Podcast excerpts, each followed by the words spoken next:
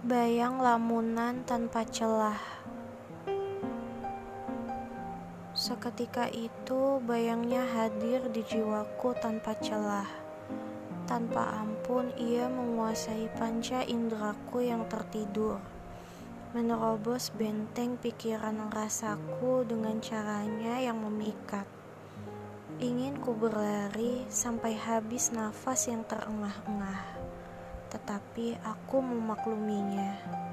Menggenggamnya dengan erat terasa lebih mudah daripada melepasnya ke pangkuan udara. Mereka menanamkan luka pada cerita yang berbeda-beda. Tanpa tahu yang cukup, aku mengadu senduku padanya. Dan tanpa pertimbangan nalar, aku merayu raga atas rasanya yang menggebu-gebu. Mereka berpikir semuanya akan baik-baik saja, tetapi aku masih percaya langit tidak selamanya terang benderang. Meski niscaya itu nyaris mustahil, aku akan berdiri di sini menggenggam takdirku. Mereka memang ada sekaligus tiada bagiku. Bayang lamunan tanpa celah, begitu aku sering memanggilnya. Mereka nyata dalam duniaku, meski imajinasi menganggap mereka sampah kosong berserakan di tubuh mereka. Mengapa daun hijau itu tak menari lagi? Apa bunga itu telah diam padanya?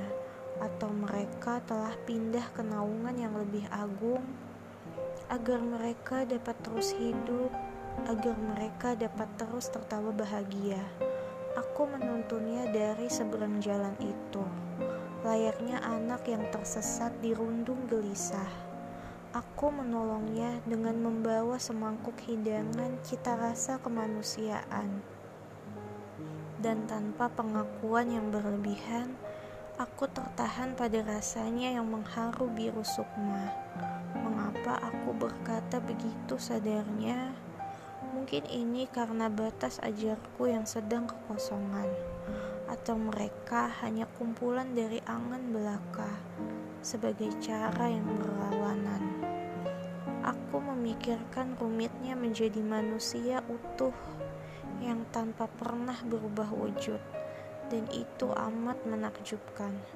Celah yang terdistorsi akal sehat mengurung pasrahku yang berpendar-pendar. Aku dapat merasakan keberadaannya meski ia hanya menampakkan setitik wajahnya padaku. Intuisiku berjalan di atas otoritasnya sendiri. Mereka bagai sekumpulan cara terbaik Tuhan untuk membisikkan pada semua yang tertahan bahwa aku dapat menaruh kepastian pada jiwa-jiwa yang kuingini.